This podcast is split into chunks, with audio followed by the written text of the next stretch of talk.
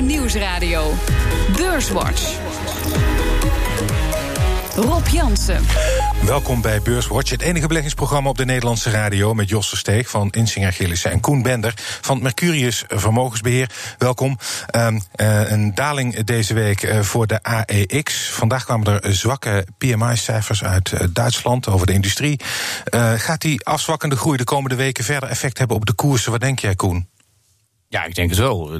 Dit zat er al een tijdje, tijdje aan te komen. Je zag dat het uh, afzwakte, maar de beurs wilde maar niet omlaag. We bleven maar dronken worden van diezelfde fles wijn. Hmm. Maar ik denk dat nu uh, voorlopig wel eventjes de TL-bakken aangaan. Ja, denk jij dat ook, Jos? Ja, je ziet bijvoorbeeld ook dat uh, de winstverwachtingen behoorlijk naar beneden worden bijgesteld. En dat gaat al een tijdje. En dan met stijgende koersen. Dat is geen goed signaal. Dus ik zou me niet verbazen als het de, laatste, uh, de komende tijd wat, uh, wat minder gaat, blijft hangen of misschien iets naar beneden gaat. Ik moet zeggen, ik verwacht niet dat het echt heel hard naar beneden zal gaan. Want je ziet dat veel mensen die, die rally eigenlijk vanaf december gemist hebben. En veel mensen een, een terugval toch vaak als een instappunt zien. Dus of het blijft hangen of het zakt wat terug. Maar echt flink teruggaan zie ik niet gebeuren. Het was de week waarin duidelijk werd dat Deutsche Bank en Commerzbank formeel een fusie bespreken.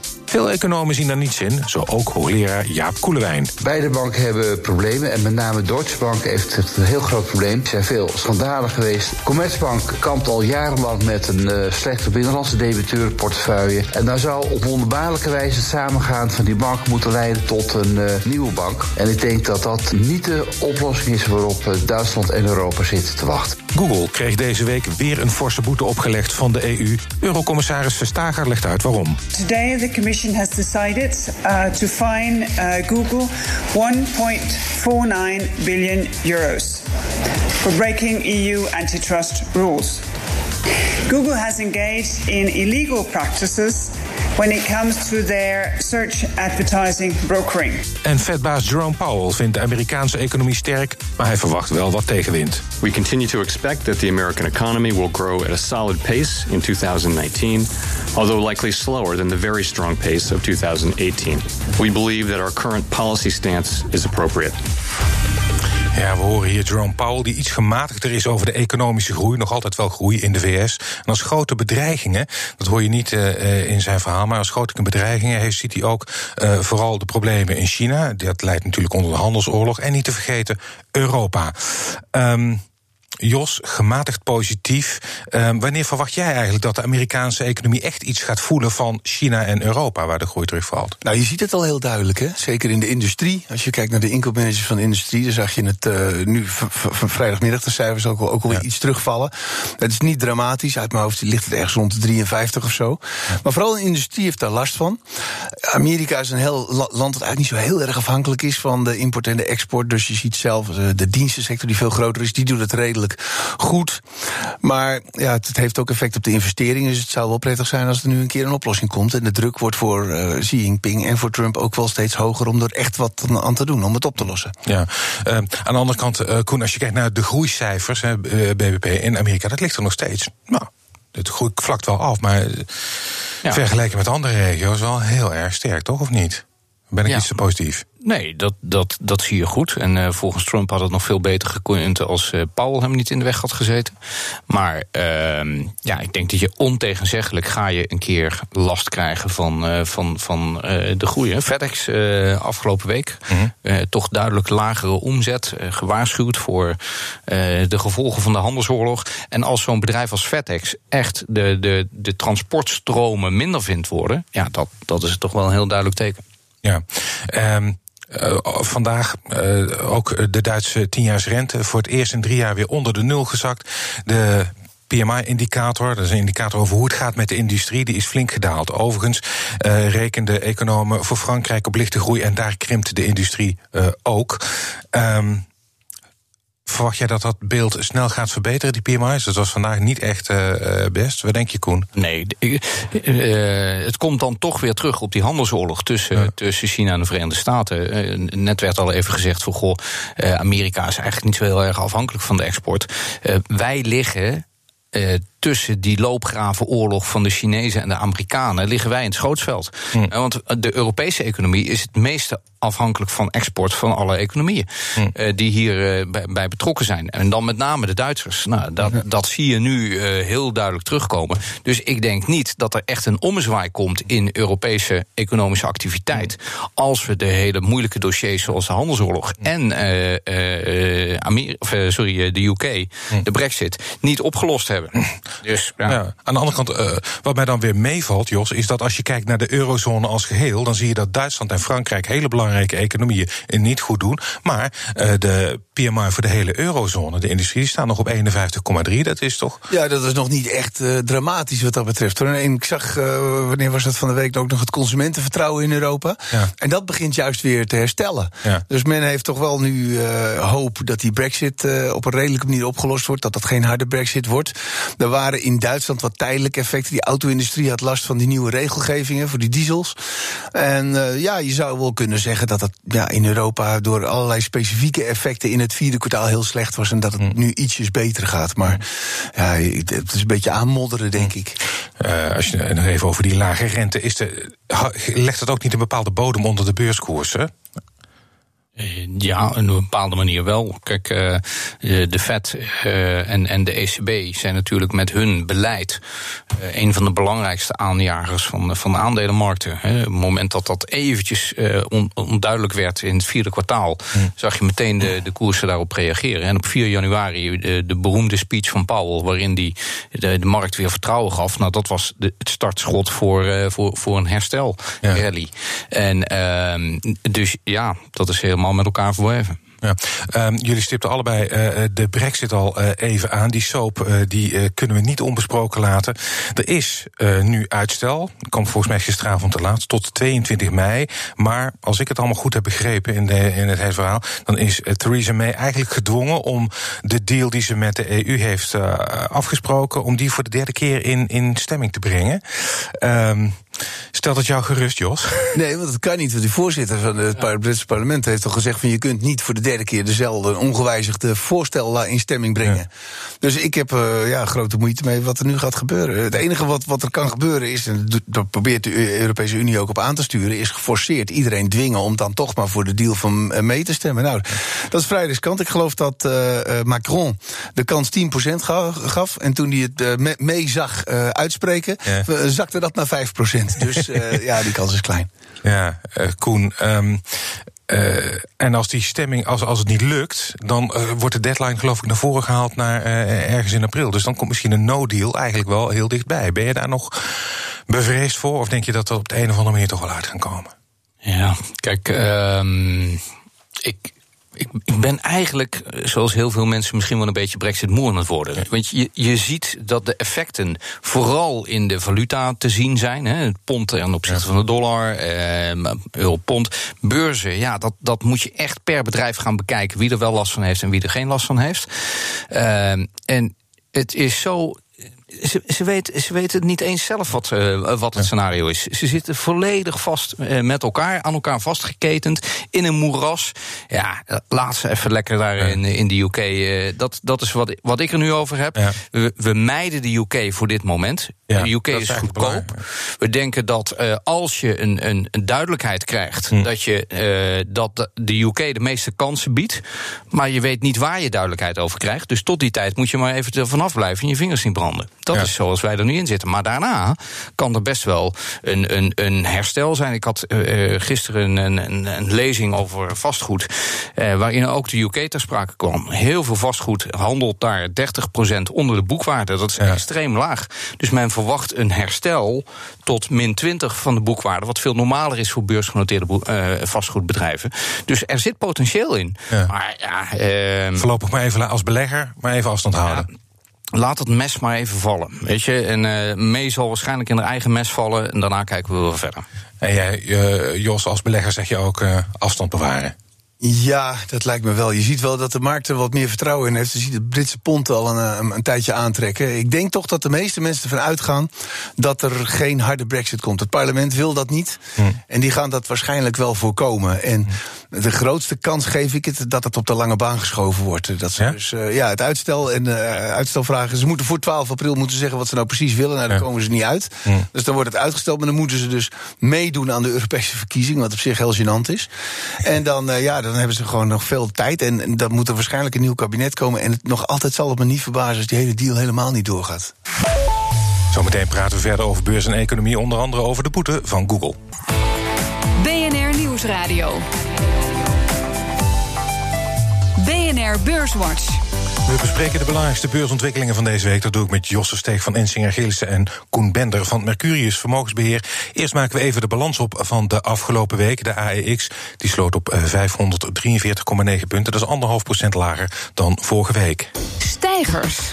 Op 1 is eh Ahold Delhaize de grootste stijger deze week met een plus van 2,9 procent. Galapagos eh, kreeg er 2,3 procent bij afgelopen week. En op 3 Unibuy Rodamco Westfield met een plus van 1,9 procent. En in de midcap was het best presterende aandeel deze week WDP met een plus van 3,1 procent. Dalers. Op 1 Egon met een min van 8,2 procent. Op 2 een andere verzekeraar, NN Group, min 6,4 procent. En Hekkensluiter is uh, ook een financial, namelijk ING met een min van 5,6 procent. En in de midcap was de grootste daler deze week Air France KLM met een min van 7,6 procent. En de AX is deze week drie van de vijf handelsdagen toch hoger gesloten. Um, Even kort, hebben jullie een verklaring? Uh, Egon, NN, zo hard uh, onderuit. Het is, je hebt het net zelf genoemd, de Duitse rente op nul. Als rente nul is, dan hebben banken het heel erg moeilijk om geld te verdienen. Ja, dan komt nog een lijstje schandalen achteraan. Nou, klaar. Ja, dus het zit vooral in vandaag de Duitse rente, zeg jij. Ja, dat is al een tijdje, de Duitse rente is al een, een tijdje aan het dalen. Ja. Eigenlijk sinds Draghi gezegd heeft dat hij uh, de negatief ja. doorgaat tot, tot december. Mm. Ja, en, en financials doen het natuurlijk gewoon eigenlijk heel, heel zijn of spot goedkoop, of, uh, maar ja, dat, dat komt door het verdienmodel. Ze ja. verdienen aan, de, aan, aan een rentespread en hebben dus een hogere rente nodig. Mm. Dat komt niet. Ja, uh, laat maar even bij de banken blijven. Uh, er is deze week ook veel te doen geweest om Deutsche Bank en Commerzbank. Het lijkt een kwestie van tijd uh, dat zij samen gaan. Dus ze voeren nu officieel fusiebesprekingen. De Duitse overheid stimuleert deze fusie. De ECB is er niet zo blij mee. omdat er nu een hele grote bank is. Het wordt geloof ik de tweede banken van Europa als ze samen zijn. En als het misgaat, dan ja, zal deze moloch toch op de een of andere manier... De ECB moet het ook goedkeuren. Ja, moet het ook goedkeuren. Dus vraag of dat gaat gebeuren. Ja, daar heb je je twijfels over. Ja, kijk, dit is een, dit is een gedwongen huwelijk. Normaal gesproken ja. moet je op een huwelijksfoto lachend staan. Daar staat ja. iedereen blij op. Uh, dit worden een paar Duitse uh, zure baklappen die uh, naast elkaar staan. Ja. En, en, en ja, een gedwongen huwelijk gaat niet succesvol zijn. de problemen van Commerzbank, de problemen van, ik hoorde het net Koelewijn even zeggen. Die problemen die gaan er niet uit. En, ja. en je gaat dus de, de blinden en de kreupelen die gaan samen. En, en dat gaat de kern van je financiële systeem zijn. Uh, prettige wedstrijd. Dat roept wel meteen de vraag op, uh, Jos, ik weet niet of jij die, die, die visie deelt, uh, of die twee afzonderlijk wel een toekomst hebben. Nee, dat is heel moeilijk. En ik kan me goed voorstellen dat Deutsche Bank uh, Commerzbank wil overnemen. Kijk, Commerzbank heeft een hele grote retail afdeling. Hm. En Deutsche Bank heeft moeite met zijn, zijn, zijn funding. Ja. dat is de laatste tijd behoorlijk opgelopen door de schandalen, maar ook weer door die lage rente. Die funding wordt steeds hoger, dus ze zouden heel goed die kredietkant van, van, van Commerzbank kunnen gebruiken. Alleen de andere kant, Commerzbank heeft er totaal geen zin in. Die heeft er ook helemaal geen behoefte aan. Die hebben een tijdje geleden de, de, de Merchant Bank, of hoe heet dat, de, de Zakenbank. De zakenbank hebben ze, hebben ze afgestoten. Dat is een drama geweest. Ja. En nu krijgen ze dan weer de zakenbank van, uh, van, van, van Deutsche Bank. Dus Commerzbank heeft er totaal geen zin in. Deutsche Bank wil het eigenlijk ook niet. Maar ik kan me wel voorstellen dat dat voor Deutsche Bank wel gunstig is. Om die funding naar beneden te krijgen. Nou, je kunt behoorlijk wat kosten besparen. Uh, enkele miljarden. Ja. Dus uh, vanaf, vanaf Deutsche Bank zou het gunstig zijn. Maar ik denk dat de Commerzbank er geen zin in heeft. En wat er natuurlijk achter zit met de politiek. Van als Deutsche Bank en Commerzbank het niet doen. Dan komt BNP Paribas misschien langs. Dus, uh, en dat willen ze natuurlijk helemaal niet. Dan heb je een, uh, je grootste bank heb je een zijkantoortje van de Franse bank. Ja, dat is een belediging van... ECB, uh, die daarover gaat, ja. want dit, dit moet goedgekeurd worden... die heeft ook gezegd, van, goh, wij kijken vooral naar een fusie... als het, het moet versterkend zijn. Ja. En het liefste met vers bloed. Dus van buiten de Europese Unie. Dus zij, eh, net zoals dat ze Alstom en Siemens geblokt hebben, dat ging ook om andere redenen. Hm. Maar eh, wordt voor, voor een overname van Deutsche Bank eh, zien zij veel liever een Aziatische bank of een Amerikaanse bank die ook nieuwe kennis en, en, en funding van buiten het ECB-gebied inbrengt om op die manier eh, hier marktpositie te pakken. Ja. Het is ook beter van de competitie. Ja, de vraag is of dat gaat gebeuren. De, hm? Ja, ik, ik, ik, vraag me inderdaad net met Koen af van of dit, uh, of dit wel gaat lukken. Of, dit überhaupt, of de, überhaupt ook de ECB het goedkeurt. Ja. Nou, er wordt dan nog een uh, uitdagende tijd uh, voor de Duitse bankensector. Ja. Kunnen we wel stellen. Um, over uitdaging gesproken, ING was of we nou hebben over een bank die slepend conflict heeft. Ik moet, ik moet steeds vaker aan Deutsche Bank eh, denken. Nou, nee. Nee, oh. nee, nee, nee. Kom niet aan ING bij mij, hoor. ik ga het weer, nou ja, oh, voor de luisteraar, uh, deze week uh, is bekend geworden dat de Italiaanse, het Italiaanse Openbaar Ministerie de bank onderzoekt. Hebben daar ook hun controlemechanismen niet goed op orde. Um, van uh, jou, Jos, mag ik niet aan ING komen. Uh, Koen, uh, dit is toch wel een ongoing drama bij ING. Ja, het blijft, blijft maar achtervolgen. Maar dat, dat is niet alleen bij ING, alleen het wordt wat groter uitgemeten bij ING. Uh, ik ben het met Jos eens. Uh, ING is denk ik een van de beste financials in de manier waarop ze zich uh, proberen te vernieuwen. Hm. Nieuwe concepten. Vandaag ook de aankondiging dat ze bezig zijn om te kijken of ze in China uh, als eerste buitenlandse bank toestemming zouden krijgen om een joint venture met de met de Bank of Beijing te starten om uh, een, een soort directbank in China uit te gaan rollen. Uh, dat zou natuurlijk heel erg uh, mooi zijn en goed zijn. Maar ja, de ellende uit het verleden blijft maar doorslepen. En ja, dat, dat houdt ook niet op. Maar dat verklaart ook wel de discount. Ja. ja, goed, op een gegeven moment moet het natuurlijk wel afgelopen zijn. nou ja, kijk, je zag bijvoorbeeld dat ABN AMRO uh, met de derde kwartaalcijfers... een paar honderd miljoen had gereserveerd om die systemen beter op orde te krijgen. En dat zal ING toch ook moeten doen. Ja, daar, hebben ze, daar, ja, daar komen ze niet onderuit. Kijk, uh, ze zijn een soort voor, portaal geworden, dat is ze opgedrongen... om, om criminelen te vinden. Ja. En er zijn banken eigenlijk niet voor geoccupeerd. En ja. dat moeten ze zich gaan aanpassen. Moeten, we, uh, of moeten beleggers hun aandacht misschien niet veel meer verschuiven naar de nieuwe uh, financiële spelers, zoals bijvoorbeeld uh, Adyen in Nederland. Deze week is WorldPay overgenomen, ook zo'n fintech-bedrijf, faciliteert betalingen op internet voor 43 miljard dollar. Is dat niet veel belangrijker? Ja, ik vind uh, Adyen is een prachtbedrijf. Ze hebben zich heel goed gepositioneerd. Hè. Ze hebben hun systemen passen overal, bij vooral op die, die internetgerelateerde bedrijven. Dus er zit heel veel groei in. We, toen het naar de beurs ging, waren we er enthousiast over. We dachten uh, koersdoel, ik dacht 2, 2 of 300, dat weet ik niet meer. Maar ik weet wel dat het uh, in de eerste twee seconden ver boven ons koersdoel was. Mm. Dus we hebben zoiets van: het is een prachtbedrijf. Het is echt, het heeft heel veel toekomst. Maar ja, het is veel te duur. Dus wacht tot het een keer. wij hadden het gewaardeerd op, op iets van 55 keer EBITDA. Mm -hmm. Maar uh, wacht tot het een keer wat terugzakt en dan kan het interessant uh, worden. Maar het is nu echt te duur. Vind jij dat ook, hoor? Ja, het is, het is ontzettend duur. Uh, ik denk wel dat je naar deze uh, veranderingen, en niet alleen bij Adyen, maar ook in heel veel andere uh, uh, ja, disruptieve sectoren. Kijk naar, naar, naar takeaway, kijk naar ja, inderdaad een Adyen, ING op haar manier. Hè, als je het oude Nederlandse deel eruit snijdt, is eigenlijk ook best wel een disruptieve club. Ehm, je hebt allerlei verschillende. Nou, wij, wij doen dat met een, met een, met een beleggingsfonds. dat heel breed gespreid is. En ja, dat is ook een van onze beste performance nu year to date met uh, plus 25 procent. En uh, bedoel, dan heb je minder risico dan alleen Adyen. En je, en je zit veel breder. Maar ja. ja. Gewoon nog even stilstaan uh, bij Bayer. Um, dat heeft Monsanto overgenomen. Is dat een miskoop, ja of nee? Monsanto, dat was al in opspraak omdat ze uh, Roundup, een onkruidverdelger, op de markt brengen. Daar zit een middel in glyfosaat, dat zou kankerverwekkend zijn. En de eerste twee uh, rechtszaken heeft Bayer verloren. Deze week weer een rechtszaak. En daar is inderdaad, uh, heeft een jury bepaald dat dat middel kankerverwekkend is. Um, Jos, is dat een reden om Bayer voorlopig maar even te mijden als belegger? Vaak zie je wel dat dat soort zaken. De soep wordt meestal niet zo heet gegeten als die wordt opgediend. Vaak valt dat dan nog wel mee. Die, zaken worden dan door een latere rechter weer wat minder, wat, wat, afgezwakt.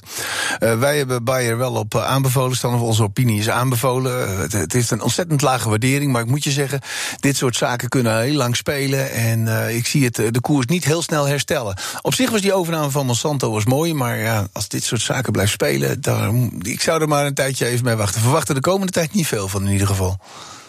Het is vooral voor de aandeelhouders van Monsanto interessant geweest. Ja. Uh, want inderdaad, het speelde. Bayer wist dat dit uh, aan de hand was. Ik geloof dat er in de VS 1100 rechtszaken nee. zijn Ja, van mensen die. ja, zeker, ja. die uh, uh, dus ja, dit moet je vergelijken met een soort asbestclaim. Of uh, zoals de tabaksindustrie al die processen over roken heeft gehad. Dus ja, ik zou hierin zeggen: joh, dit, dit is een heel hoog risico. Ehm, je kan op andere plekken kan je, kan je een mooier rendement maken tegen lager risico. Dus waarom zou je Bayer opzoeken? Ja. We zijn alweer bijna aan het einde van de uitzending. En dat betekent uh, dat jullie de luisteraar mogen verblijden met jullie beleggingstip. Koen, zeg maar. Daar heb ik heel lang over nagedacht in de auto eh, hier naartoe. Waarom was het moeilijk? Nou ja, omdat ik eigenlijk op dit moment zoiets heb van... Joh, je, zit, je zit prima met, uh, met een stukje cash. Omdat ja. ik denk dat je wat, wat turbulentie gaat krijgen... na een geweldige uh, 2,5 maand. Hm. Die niemand had zo zien aankomen hè, met, met, met dit herstel. Ja. Nou ja, maar als ik dan iets moet noemen kijk eens naar Berkshire Hathaway. Daar is die, die, het bedrijf van Buffett. Daar is die rally volledig aan voorbij gegaan. Uh, heeft 100 miljard aan cash. Dus als je een correctie in de beurs krijgt, dan, uh, dan zal Buffett wel iets kopen. Hij heeft ook aangegeven dat hij er heel dichtbij was in het vierde kwartaal. Mm. Uh, en, en, en zo niet, ja, daar zit ook nog redelijk wat opwaarts potentieel in. Berkshire Hathaway, wat is jouw tip? Ja, ik geef altijd uh, liefst, lange termijn tips. Maar ja. deze week, of tenminste komende week, komt Galapagos met het, uh, de uitslag van Phil Gottinip. Dat kan uh, heel goed uitpakken, dus ja. dat is een mooie tip. Maar daarnaast is Biogen heeft een, een enorm drama gehad met een medicijn tegen Alzheimer. Dat in fase 3 uit de markt is gehaald. Koers is ruim 30% gedaald. ja, wij hebben toch een veel hoger koersdoel staan. Het bedrijf heeft een hele goede positie in MS. Heeft nog een aantal andere neurodegeneratieve ziektes waar ze medicijnen voor hebben. Ik denk dat het erg ondergewaardeerd is. Maar ja, dit is voor een belegger die wat ja. meer risico aan kan. Ja. ja, dus voor de gok zeg jij Biogen. Biogen. Biogen en Berkshire Hathaway. Um, ja, hartelijk dank Jos Versteeg van Insinger Gillissen en Koen Bender van Mercurius Vermogensbeheer. Dit was BNR Beurswatch. En als u wilt reageren, dan kunt u een mail sturen naar beurswatch.bnr.nl of tweeten naar Rob Beurs en terugluisteren. Dat kan via de site, de app, iTunes of Spotify. En graag tot volgende week.